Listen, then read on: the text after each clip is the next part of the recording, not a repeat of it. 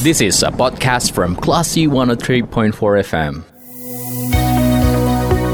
Cermati program Learn and Grow with Dr. Zuhra Taufika.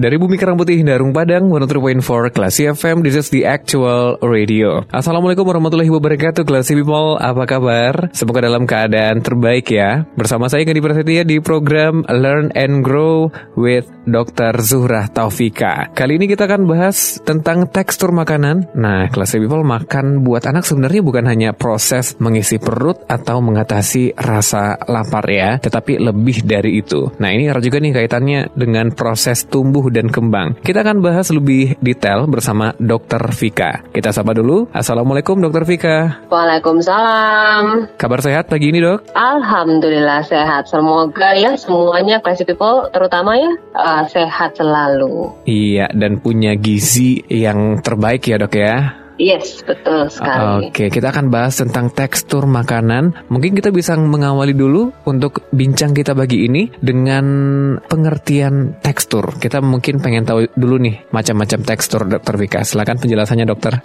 Oke, jadi uh, classy people ya, terutama para orang tua ataupun ibu-ibu muda yang memiliki anak balita, khususnya adalah anak-anak yang berada di rentang usia di bawah satu tahun deh, 6 sampai 11 bulan. Jadi 6 sampai 11 bulan itu adalah periode yang sangat krusial atau penting dalam pengenalan tekstur makanan pada anak. Nah, apa sih tekstur gitu ya? Tekstur atau bahasa lainnya konsistensi, yaitu uh, suatu rupa dari bahan makanan di mana uh, tekstur atau konsistensi ini menjadi faktor yang sangat penting yang berpengaruh terhadap tumbuh kembang anak. Jadi kadang-kadang nih ya, banyak orang tua merasa baik-baik saja anaknya sudah usia 2 tahun tapi masih makan makanan yang blenderan. Alasannya sih simple, karena anak saya maunya cuman itu dok. Kalau dikasih makanan yang agak kasar langsung dilepeh gitu. Hmm. Nah itu salah satu nih komen orang tua. Atau ada lagi nih pak anak-anak tertentu yang kalau misalnya giliran makan keripik bisa, giliran makan buah bisa buah potong. Tapi giliran makan utamanya berupa nasi, campuran lauk dan sayur itu langsung lepeh tuh kalau misalnya teksturnya um, keras gitu ya.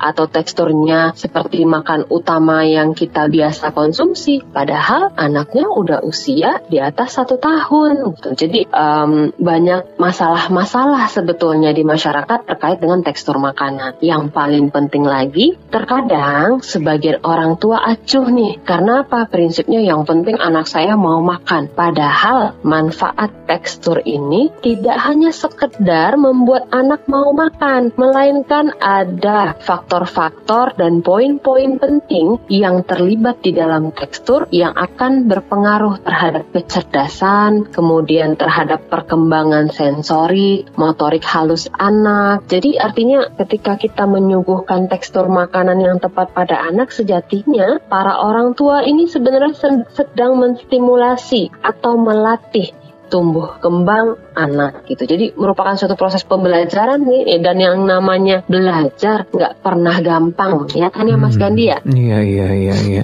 Itu itu sih intinya gitu. Oke, berarti ada anak-anak yang nggak uh, makan nasi sampai umur 3 tahun, 4 tahun itu ada beberapa kasus yang saya perhatikan tuh dokter. Ya, itu berarti juga berpengaruh ya sama perkembangan uh, dari si anak ya? Ngaruh banget. Jadi hmm. kelihatannya mungkin anak nih seolah-olah dia tidak suka sesuatu. Padahal hmm. bisa jadi ketidaksukaan itu bukan ketidaksukaan terhadap bahan makanan itu, tapi terhadap teksturnya mungkin hmm. gitu. Oke, okay. macam-macam tekstur dari makanan ini apa saja dong? Oke, okay. jadi kalau misalnya kita urut nih ya, ini mungkin akan lebih wow kalau misalnya kita ada picture ya atau gambar. Mm -hmm. Tapi nanti ibu-ibu di rumah ya bisa buka buku KIA hmm. KIA yang diperoleh ketika masa hamil. Nah, di situ ada poin tentang uh, MPASI atau makanan pendamping ASI. Nah, di usia kurang lebih enam bulan itu pada masa awal kita sebut teksturnya itu tekstur uh, pure atau halus atau um, apa ya hasil saringan. Jadi makanan utuh disaring dengan saringan kawat, nanti hasil di bagian bawah saringan itulah yang menjadi uh, tekstur awal pengenalan MPASI kepada bayi. Nah, selanjutnya masuk ke tekstur yang agak lebih kasar sedikit, yaitu lumat sekitar usia 7-8 bulan untuk menuju ke nasi tim di usia 9 bulan. Nah, kalau nasi tim kan saya kira semua orang tua udah pada tahu ya, makanan padat, biasa yang kita makan di tekstur keluarga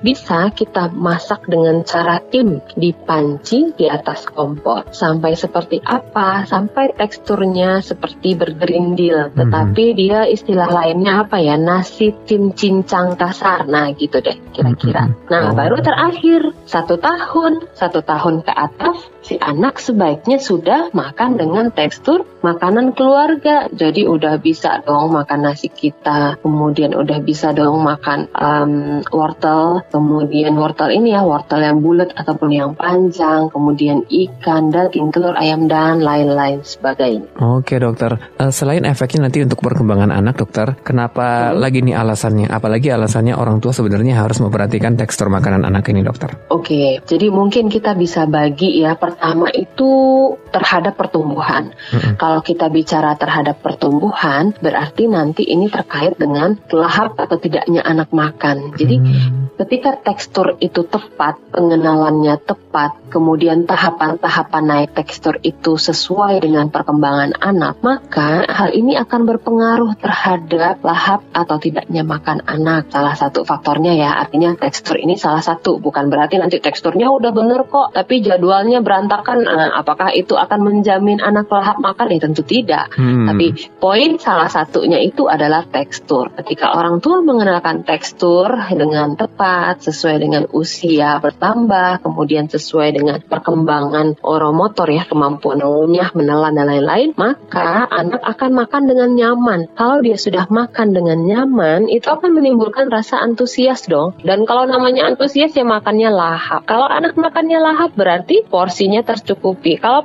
porsinya tercukupi berarti kebutuhan harian terpenuhi. Kalau terpenuhi kebutuhan harian, maka berat badan anak akan naik sesuai dengan target. Artinya status gizi anak nanti akan baik. Artinya lagi mm -hmm. pertumbuhan anak baik. Oke, okay, oke, okay. iya iya dokter. Nah, ketika anak usianya sekitar enam bulan, dokter, pertama hmm. kali dong ya bagi anak untuk mengenal makanan selain nasi gitu ya. Nah, yes. tekstur terbaik untuk memulainya tentu kita yang kayak dokter yang bilang tadi yang halus gitu ya. Nah, sebenarnya hmm. saat itu apakah anak sudah mulai kenal dengan tekstur? Kalau sebetulnya apakah anak sudah mulai kenal dengan tekstur? Sebenarnya ketika anak baru lahir, dia kan ASI ya. Mm -mm. Nah, kenapa sih anak 0 sampai 6 bulan itu ASI? Karena si anak pada rentang usia tersebut secara fisiologisnya yang berkembang pada tubuhnya adalah refleks hisap oh. dan menelan. Jadi anak bayi itu dia yang berkembang baru refleks hisap dan menelan cairan. Sehingga karena anak bayi itu baru mampunya demikian, nah makanya tuh dikasih ASI yang cair.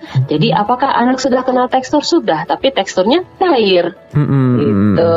Nah, nanti sekitar usia 4 5 6 bulan. Nah, itu sudah mulai berkembang tuh uh, ada namanya refleks ekstrusi. Refleks ekstrusi itu refleks menolak. Jadi kalau misalnya nih kita taruh sendok di mulut anak, itu biasanya didorong keluar lagi oleh oh. lidah anak. Mm-hmm. Nah, itu tandanya refleks ekstrusinya masih aktif. Nah, itu biasanya di range 0 sampai 6 bulan. Sekitar 4 bulan ke atas, refleks ekstrusi itu atau refleks menolak itu itu pelan-pelan menghilang. Jadi secara bertahap menghilang. Nah, kalau udah menghilang, artinya apa? Anak siap disodorin sendok, artinya siap untuk makan gitu. Artinya anak itu mampu nih menelan tekstur yang padat, jadi udah nggak cair lagi. Oke, luar biasa.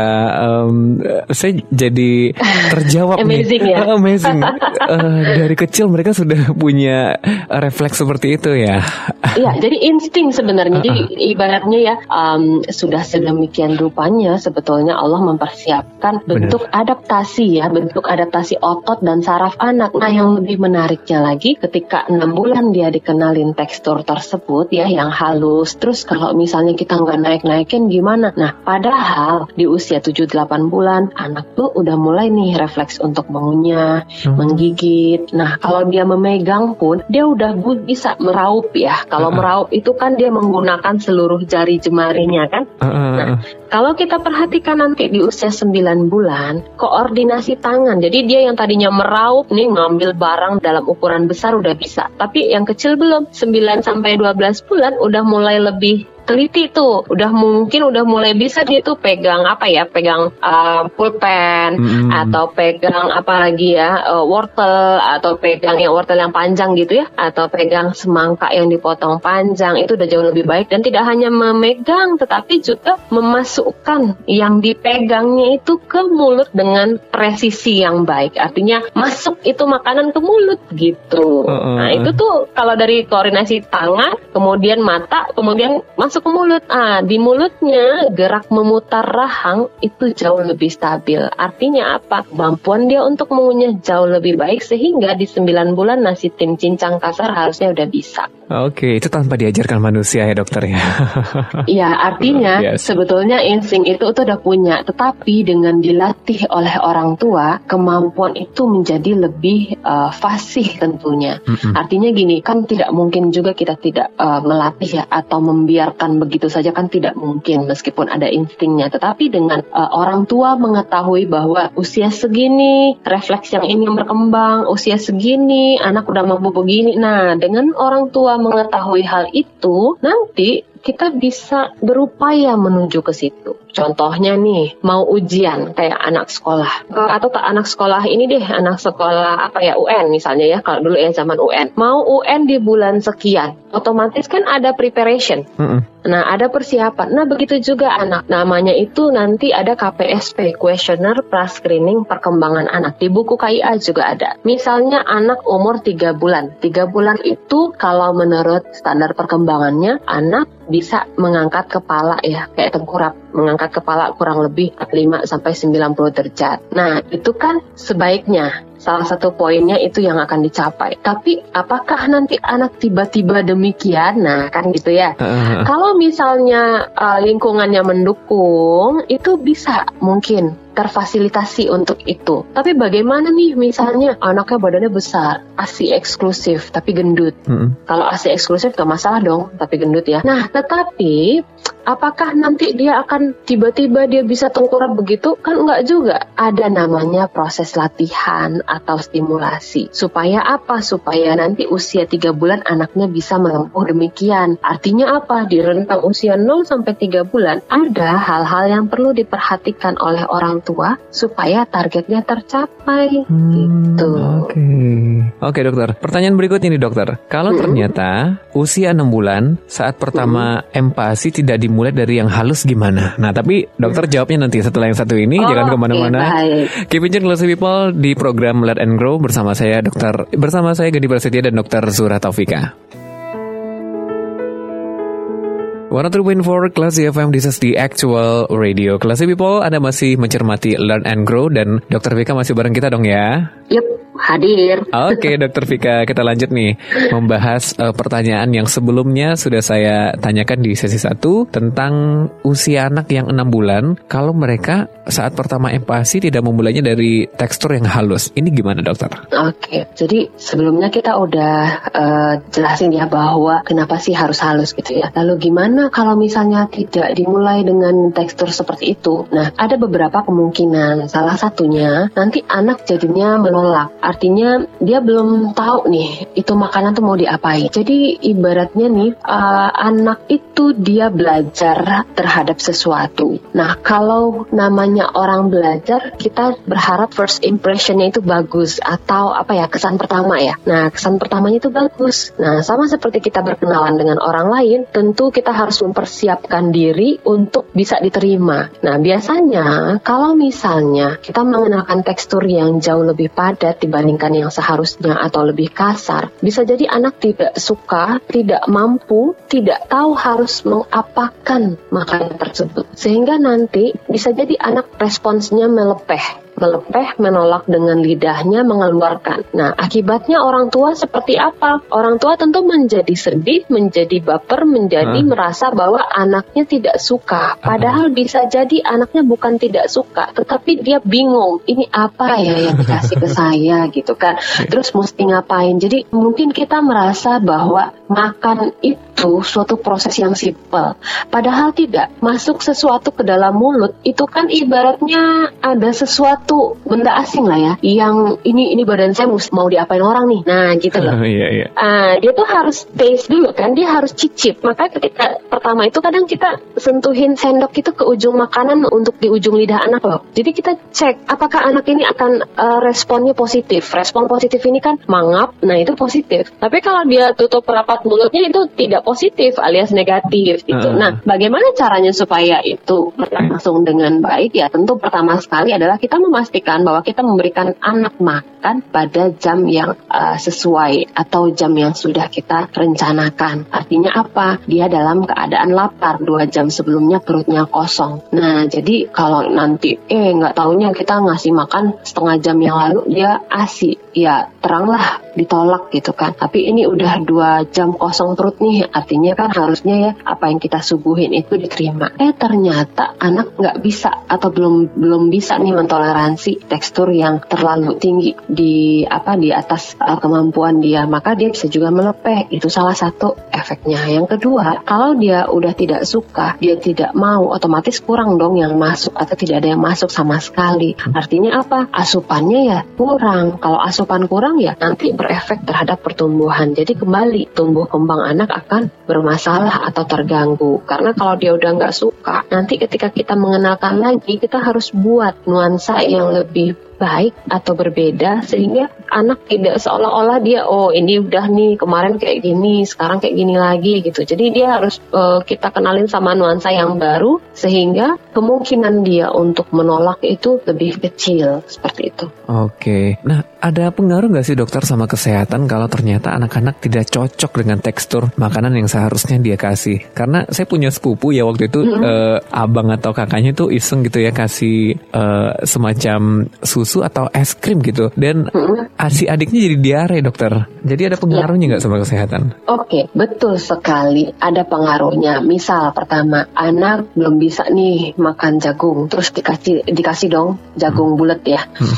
satu ketika di mulutnya anak belum mampu itu bisa menyebabkan tersedak hmm. kalau tersedak risikonya kematian hmm. Kenapa? Karena dia masuk ke saluran nafas. Saluran nafas nyumbat, nyumbat ya nggak bisa nafas, nggak bisa nafas ya bisa meninggal. Satu, itu kalau belum masuk. Yang kedua, kalau udah terlanjur masuk. Kalau udah terlanjur masuk, bisa jadi itu makanan tidak dicerna dengan baik, ya kan? Hmm, hmm. Tidak dicerna, otomatis apa yang terjadi? Dia keluar utuh. Jadi, oh. ya ibaratnya satu mubazir, yang kedua mengganggu pencernaan juga, karena kan artinya nggak kegilas gitu. Yeah. Nah, kemudian yang berikutnya, kalau tidak sesuai, kalau anak itu alergi, ya itu tadi bisa menimbulkan respon alergi. Respon alergi ini yang bermacam-macam, bisa diare atau mencret, bisa juga berupa apa ya um, sesak nafas, huh? atau bisa juga berupa gatal-gatal di seluruh tubuh, ya urtikaria. Nah seperti itu. Artinya respon itu nanti akan mengikuti apa efek yang ditimbulkan dari uh, makanan yang dikenalkan itu. Oke, berarti memang benar-benar harus paham nih kalau misalnya usia segini tekstur makanannya kayak gini. Nah tapi apakah hmm, iya. emang itu uh, semuanya itu berdasarkan hanya dari hitungan usia, usia dokter? Ya? Uh, tidak. Jadi usia ini sebetulnya adalah pakem atau panduan supaya orang tua mungkin jauh lebih aware. Jadi misalnya nih usia 6 bulan anaknya udah belajar makan loh, teksturnya itu hasil saringan. Tapi ternyata ketika kita kasih ke anak tuh sulit dia untuk menelan atau sulit dia untuk menerima di dalam mulutnya. Nah kita bisa atur teksturnya. Misalnya yang tadinya agak terlalu padat kita ngapain? Ketika kita menyuapi pada anak, kita bisa tambahkan sedikit cairan, misalnya ASI, misalnya kuah sayur atau air putih, sehingga kita aduk tuh di mangkok makanan anak, baru kita suapin kembali ke anak. Nah, itu dari mana taunya trial and error? Artinya hmm. tidak ada ukuran yang persis tuh. Artinya panduan secara umumnya kan ada, misalnya tekstur saringan oke, okay. tapi pas masuk ke mulut anak itu kan naik turun. Terus hari kemarin seperti itu teksturnya hari ini belum tentu persis seperti itu. Nah, besoknya bulan depan, nah itu yang kita naik turun tekstur berdasarkan respons anak juga. Nanti misalnya gimana kalau udah 7-8 bulan, anak memiliki kemampuan untuk mengunyah lebih baik. Meskipun giginya belum tumbuh banyak ya, tetapi hmm. anak itu mengunyah pakai gusi. Jadi, di usia tersebut kita bisa mengenalkan yang lebih padat. Contohnya di enam bulan tadi udah kasih yang tekstur saringan. Eh ternyata si anak kayaknya kalau saringan aja tuh uh, udah terlalu lahap lah gitu ya. Atau um, ketika kita cobain makanan yang ibaratnya berupa finger food ya misalnya kayak kentang uh, goreng atau alpukat yang dipotong panjang atau pepaya nah kita bisa latih anak untuk memegang dulu. Memegang kemudian mengajak anak untuk menyuapkan makanan yang dipegangnya ke mulut. Nah lihat bagaimana respon anak itu dalam mengunyahnya. Perhatikan betul-betul. Nah dari situ nanti orang tua akan uh, bisa belajar. Oh ya berarti anak saya ini udah bisa yang tekstur ini, udah bisa tekstur itu. Makanya kalau di kelas gizi biasanya di awal MPASI atau sebelum memulai MPASI itu sebaiknya orang tua tahu beragam tingkatan tekstur dari beragam tingkatan tekstur itu nanti orang tua bisa nih oh iya umur segini nih harusnya anak saya udah bisa ini. Kan nggak mungkin. Misalnya nih nasi tim 9 bulan hmm. terus pas ulang bulan ke 9 langsung switch gitu ya? Hmm. nggak mungkin.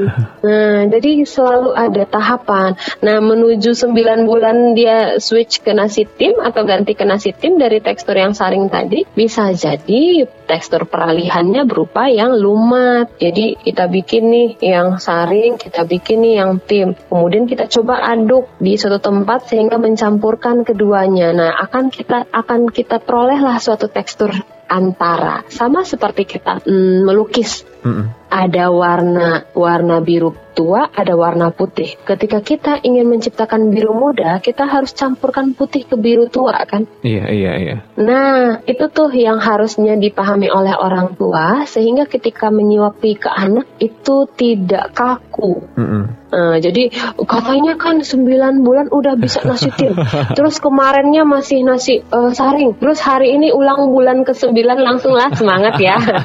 Ayo nak kita switch gitu ya. Terus iya. tiba-tiba dia nolak gitu kan. Terus kita sedih. Nah, uh, uh, anak saya nggak gitu. Bisa nih. Iya, anak saya nggak bisa nih, nggak suka dia nih. Padahal mungkin bukan itu ya. Namanya PDKT pelan-pelan tapi pasti ya berhasil. Ah, gitu. Oke, dokter. Nah, kemudian dokter, kalau anak-anak telat naik tekstur nih, ini berpengaruh nggak sama kemampuan bicara atau kemampuan anak yang lain? Bisa. Hmm.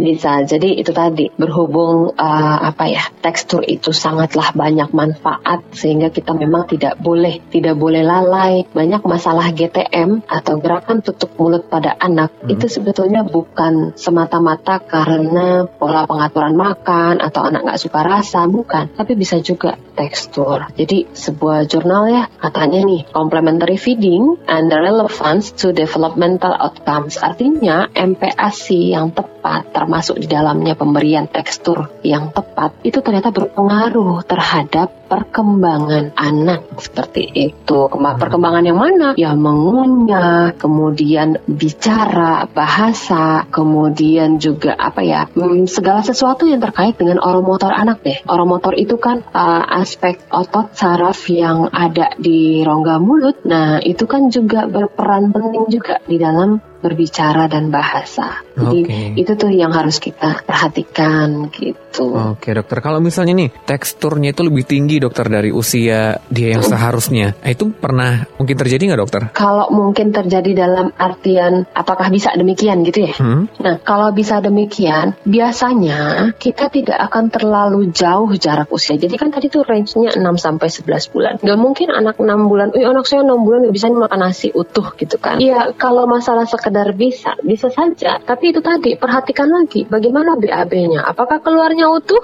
Apakah keluarnya baik-baik saja atau misalnya masih seperti semula kan? Atau emang dicerna? Nah, kita tidak boleh juga menaikkannya terlalu tinggi teksturnya. Anggaplah, oh anak saya tidak komplain dok. Nah, iya memang bayi mah jarang komplain kan. Nah, tetapi ya gimana dia mau komplain gitu kan? Iya. Nah, tetapi itu tidak baik. Jadi sama seperti mm, dalam fase perkembangan anak, Ih, anak saya keren, bisa berdiri langsung, jalan Hmm, tanpa hmm. fase merangkak. Eh, ternyata jangan salah, fase merangkak itu penting untuk koordinasi um, otak ya, belahan kiri dan kanan dengan baik. Dan Hmm. itu ada apa ya impact atau efeknya nanti ke perkembangan yang lain tuh ada. Jadi ibaratnya boleh mau cepet, tetapi cepetnya itu ya ada rule-nya lah kalau bisa Iya, gitu. oke. Semakin menarik eh, perbincangan kita, kayaknya kita harus break dulu dan nanti kita akan eh, kembali di sesi 3 Classy People. Jangan ke mana-mana, keep it di Classy FM di Learn and Grow.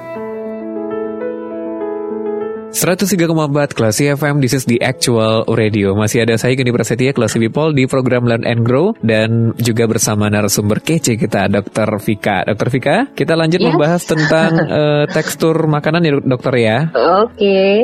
Oke, nah dokter, seberapa besar sih potensi berkurangnya atau hilangnya gizi karena proses penyiapan makanan? Karena kan beda tekstur itu beda penyiapan makanan ya dokter ya. Jadi semakin halus, makin kompleks nih prosesnya. Nah, potensi kehilangan gizinya ini sebesar apa kalau kita eh, menyiapkan makanannya terlalu kompleks? Oke, jadi uh, mungkin kalau kita bicara terhadap potensi berkurangnya kandungan gizi dalam penyiapan makanan, itu bisa jadi karena proses memasaknya terlebih dahulu. Nah, kalau proses memasak itu melibatkan menggoreng, menumis, kemudian menggulai mungkin ya. Nah, itu tuh proses memasaknya. Namun, dalam pengubahan menjadi sebuah tekstur, itu hanya proses fisik yang berbeda. Kalau untuk proses yang tadi ya kan lebih kepada kimiawi Ah. karena faktor uh, memasak misalnya nih ketika kita masak di panci tuh nasi tim. Nah, itu kan uh, menguap ya. Ketika menguap ya vitamin-vitamin B-nya bisa jadi menguap juga atau vitamin C. Jadi vitamin B dan C itu kan larut di dalam air. Kalau airnya menguap ya kemungkinan berkurang tentu pasti ada. Nah, tetapi kalau misalnya kita mengubah dari nasi tim kemudian kita saring menjadi tekstur untuk usia 6 bulan, itu tidak masalah. Tidak masalahnya kenapa? Karena yang berubah kan hanya fisiknya aja. Heeh. Jadi yang tadinya mungkin masih bergerindil, sekarang tuh kita saring. Nah, memang ada satu lagi sih poinnya yang berubah yaitu serat. Serat itu akan lebih baik ketika makanan dikonsumsi utuh ketimbang dipotong atau diproses. Nah, contohnya apa? Misalnya nih, semangka atau wortel. Itu kalau dimakan dengan utuh, itu eh, seratnya kan utuh. Itu akan lebih baik untuk pencernaan. Nah, dibandingkan dengan diubah menjadi smoothie Mhm. dengan di blender misalnya. Nah, itu eh, kandungan seratnya tentu berkurang. Tetapi yang perlu diingat, kebutuhan serat pada bayi itu sangat sedikit. Artinya itu bisa kita abaikan. Jadi no worry lah Oh, mau dari nasi tim menuju uh, saring itu kita anggap aman ya. Paling ya karena proses awalnya itu direbus, digoreng, di apalagi ditumis. Nah, proses awalnya itu aja yang berpengaruh terhadap kandungan gizi anak. Jadi orang tua tuh pas masak di awalnya harus paham dulu. Tapi kalau udah ngubah dari nasi tim kemudian ke nasi lumat atau ke nasi saring, nah itu sih uh, hanya perubahan fisik yang lebih dominan. Itu jadi nggak usah khawatir. Kecuali misal tadinya menunya itu satu mangkok. Hmm. Terus misalnya nih kandungan kalorinya 100 kilokalori. Terus kita kasih ke anak, kita encerin. Hmm. Kalau kita encerin harusnya volumenya nambah dong. Iya. Ya nggak? heeh. Yang tadinya satu mangkok bisa jadi satu setengah mangkok. Nah kita kasih ke anak satu mangkok doang. Iya jelas kandungan gizinya kurang. Artinya kalau teksturnya berubah menjadi lebih encer, orang tua harus memberikan lebih banyak porsi gitu. Hmm. Baru hasil nutrisinya sama, ya kan? Jadi Iya, kalau iya, misalnya lebih padat kan, jadi kalau kadang waktu itu soalnya pernah orang tua berpikir gini, dok katanya kalau lebih encer itu gizinya kurang. Ya tergantung berapa dos disuapin kan? Iya, iya, iya. Iya kan? Kalau misalnya dalam bentuk padat nih, dia anak disuapin dua suap. Nah sekarang kita harus cari konversinya yang dua suap itu kalau diencerin jadi berapa sendok? Jadi empat sendok ya udah berarti untuk mencukupkan si uh, kalorinya itu berikan empat sendok untuk yang tekstur lebih uh, encer, kemudian yang dua sendok untuk tekstur lebih padat. Dalam tanda kutip ya, encer ini bukan berarti cair betul tidak, tetapi dia dalam kondisi tekstur yang dapat dikonsumsi anak dibandingkan yang tadi kalau yang saring kan terlalu padat banget. Nah ini kan dikasih kuah sedikit gitu. Oke, berarti memang kalau beda tekstur tidak akan mempengaruhi ya, kecuali kita harus memperhatikan proses memasaknya, begitu ya dokter ya? Iya, proses memasak. Jadi kalau beda tekstur tuh lebih kepada porsi nanti yang diperhatikan. Jadi jangan sampai ini anak kalau tipikalnya makan sedikit nih, Nah, kalau dia tipikalnya makannya sedikit, misalnya disuapin tiga suap aja udah kenyang. Nah, mending gimana caranya di setiap suapan itu padat gizi. Nah, artinya makanannya itu dalam satu suap atau satu sendok itu teksturnya mungkin agak lebih padat, konsistensinya ya lebih padat, eh, densitas ya apa sih namanya istilahnya itu. Jadi dia lebih padat dibandingkan yang encer. Kalau kita kasih yang lebih encer, otomatis jangan-jangan di suapan ketiga dia udah kenyang. Oh, otomatis ya udah stop kan. Kalau udah stop berarti nggak cukup jadinya gitu. Oke, baik. Jadi semakin paham lah ya. Sangat menyenangkan membahas ini ternyata. Oke dokter. Terus kalau misalnya ada anak-anak yang dia eh, ada dalam kondisi yang tertentu, oh dokter. Iya. Anak-anak yang perlu perhatian khusus gitu ya, eh, karena menderita penyakit tertentu mungkin. Nah ini gimana nih aturan tekstur dan naik tekstur pada anak tersebut dokter? Iya, jadi memang seperti di awal tadi bahwa usia adalah salah satu poin dalam menggiring kita untuk memberikan tekstur yang tepat pada makanan anak. Tetapi itu bukan satu-satunya eh, faktor. Bisa jadi ada faktor lain ya, seperti oromotor ya. Misalnya anak dengan sindrom Down. Anak dengan sindrom Down atau ya yang punya wajah sama ya, ras mongoloid, nah gitu. Nah itu kan memiliki anatomi lidah yang lebih eh, besar ukurannya dibandingkan dengan rongga mulut. Hmm, jadi kalau nanti kita lihat di Google lah ya ibaratnya atau bagi yang kenal dengan anak yang sindrom Down atau memiliki anak sindrom Down itu bisa diperhatikan bahwa ukuran lidah, proporsi ukuran lidah terhadap rongga mulut itu lebih besar dibandingkan anak dengan tidak kondisi sindrom Down. Dengan kondisi seperti itu atau yang disebut sebagai makroglosia ya, uh, lidahnya besar, tentu itu akan sulit ya untuk membolak-balikkan makanan, mengunyah dengan baik, makan dengan baik, makan dengan tekstur yang tepat sehingga pada kondisi tersebut biasanya kita akan menilai um, bagaimana nih tahap perkembangan oromotor anak. Terus kita cobakan berikan makanan dengan tekstur tertentu. Nah, pada kondisi ini bisa jadi anak usianya sekitar setahun lebih, tetapi dia masih makan dengan tekstur saring. Kenapa itu kita toleransi? Karena kondisi anatomis lidah itu tadi. Mm-mm. Nah, tetapi hal ini menjadi catatan bagi anak-anak yang sebetulnya tidak ada apa-apa. Misalnya, giliran makan semangka bisa deh makan buah potong. Giliran makan kerupuk bisa deh makan ini. Biskuit bisa. Tapi giliran makan lontong kagak bisa gitu kan. Nah, itu kan lucu.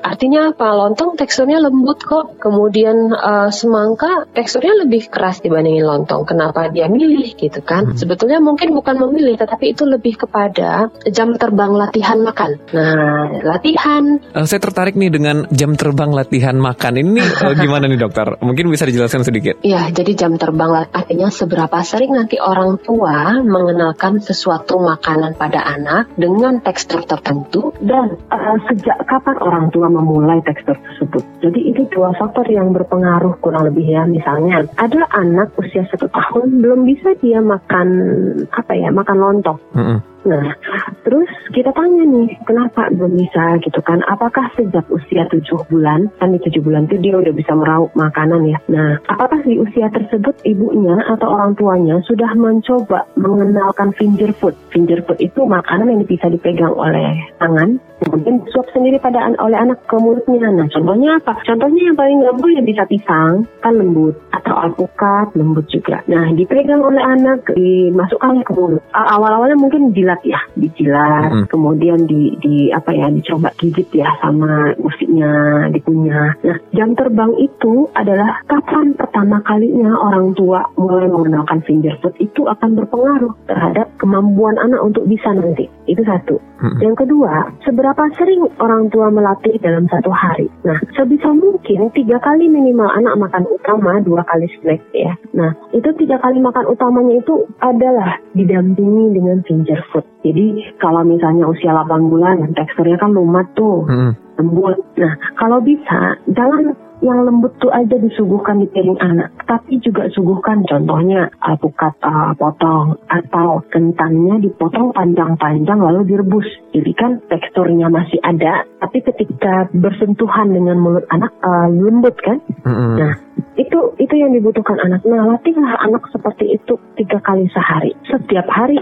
Oke. Nah, hari ini mungkin kentang atau apa lagi yang lembut. Ah, bisa jadi telur dadar. Ah, Nah, bisa jadi misalnya ah, nugget, Mhm. tapi nuggetnya jangan sampai ke tahap goreng, Iya. tahap kukus aja. Ah. Jadi ayam kemudian atau tahu kukus, jadi tahu dikukus. Nah, itu yang dicobain ke anak. Jadi anak itu menggenggam, kemudian ketika sampai di mulut dia tidak dalam tekstur yang halus. Nah, tapi dia justru kan padat itu kan? Iya, Nah, iya. tapi dia mampu untuk dikunyah atau ya dia katepin aja lah mulutnya. Itu tuh akan membuat dia itu si bayinya bisa mengonsumsi. Nah, seperti itulah ibaratnya. Oke, nah karena dokter tadi sudah menjelaskan juga nih eh, makanan-makanannya, mungkin bisa di ini ya dijelaskan juga nih dokter makanan per kategori tekstur dan usia anak. Misalnya untuk anak usia 6 bulan tuh kayak gimana, usia 9 bulan tuh seperti apa? Contohnya gimana dokter? Iya, jadi kalau enam bulan kita biasanya belum anjurkan untuk finger food karena kan dia baru belajar ya. Karena risikonya kan ada juga yang tersedak gitu ya. Jadi mungkin sekitar sekitar tujuh bulan ya, tujuh bulan. Nah itu dia bisa menggenggam. Nah apa yang dikenalin? Yang dikenalin itu lebih kepada yang lembut. Yang lembut itu apa ya? Kita mungkin bisa menawarkan ya. Contohnya eh, kalau di makanan misalnya kentang yang dipotong panjang terus lembut. Kalau yang versi mentahnya ya bisa pisang, bisa alpukat, apalagi ya, ya tahu dikukus gitu. Kalau kalau ke tempe kan tentu belum bisa eh, kayaknya paling diisap-isap doang. Nah tapi isi tempe itu bisa targetnya untuk dihisap aja, belum untuk dikonsumsi gitu. Nah nanti usia 8 bulan, 9 bulan, kemampuan anak akan bertambah. Nah, orang tua di situ tuh dia harus menilai kemampuan anak itu. Jadi memang memberikan makan ini nggak bisa pakai ngawang-ngawang atau mengimajinasikan itu nggak bisa sepenuhnya begitu. Ketika kita ingin memberikan pada anak mungkin bisa kita mengawang-awang ya. Kira-kira nih kalau anak saya dikasih ini bakalan lembut ya, bakalan lembut ya. Oh iya coba, tapi harus dicoba. Ketika memberikan itu orang tua harus 100% perhatiannya kepada anak. Lihat respon anak. Kadang-kadang tidak jarang ketika mau menelan itu anak agak kaget. Jadi kayaknya terkesan kayak tercekik. Padahal tidak. Namanya dia belajar. Ah, Nah, otomatis dia ketika menelan, "Eh, kok begini ya sensasinya. Nah, gitu. Yang paling di, yang penting bagi orang tua ingat adalah memberikan makanan anak-anak itu pada posisi yang benar, ah. yaitu duduk tegap atau kalau nggak di sender. Nah, dan orang tua jangan sambil videoin atau inilah ya main HP gitu ya, karena risikonya tersedak itu kan besar. Nah, dan itu kita tidak boleh anggap sepele, tapi nggak boleh juga jadi parno karena gini, jangan-jangan nanti tersedak loh. Iya, risiko tersedak itu pasti ada. Kan nggak mungkin kita bohong kalau misalnya enggak bu aman. Iya, kalau misalnya dia posisi makannya nggak benar, terus kita nggak aware, ya pastilah ada risiko negatif. Tapi sama kayak ngajak anak jalan, ngajak anak jalan atau main sepeda apa nggak ada risiko jatuh? Iya. Ada. Tapi kalau nggak begitu, apa anak nanti nggak bisa bisa jalan gitu kan? Iya, iya. Nah, jadi gimana caranya ada precaution? Ah, gini deh, naik pesawat, ada risiko jatuh nggak? Iya, ada. Ada, Uh-uh. tapi kan ada cara-cara yang dilakukan untuk mencegah hal buruk itu bisa terjadi. Nah, begitu juga pada anak. Jadi jangan sampai paranoid orang tua menghalangi kemampuan anak untuk bisa tumbuh dan berkembang menjadi lebih baik. Wah, luar biasa. Ah, Bener ya, karena Gitu, ya kan? Karena ketakutan orang tua yang justru ini ya dokter ya bikin anak-anak jadi eh, tidak berani mencoba hal baru, eh, ini itu dilarang gitu. Mm-mm. Jadi nanti itu kan bisa kita perhatikan. Ada anak yang biasa dilepas, eksploratif. Ada anak yang, aduh jangan, jangan, hati-hati, hati-hati. Nah, itu dia tingkat kegampangannya tentu lebih tinggi pada anak yang terlalu overproteksi ya.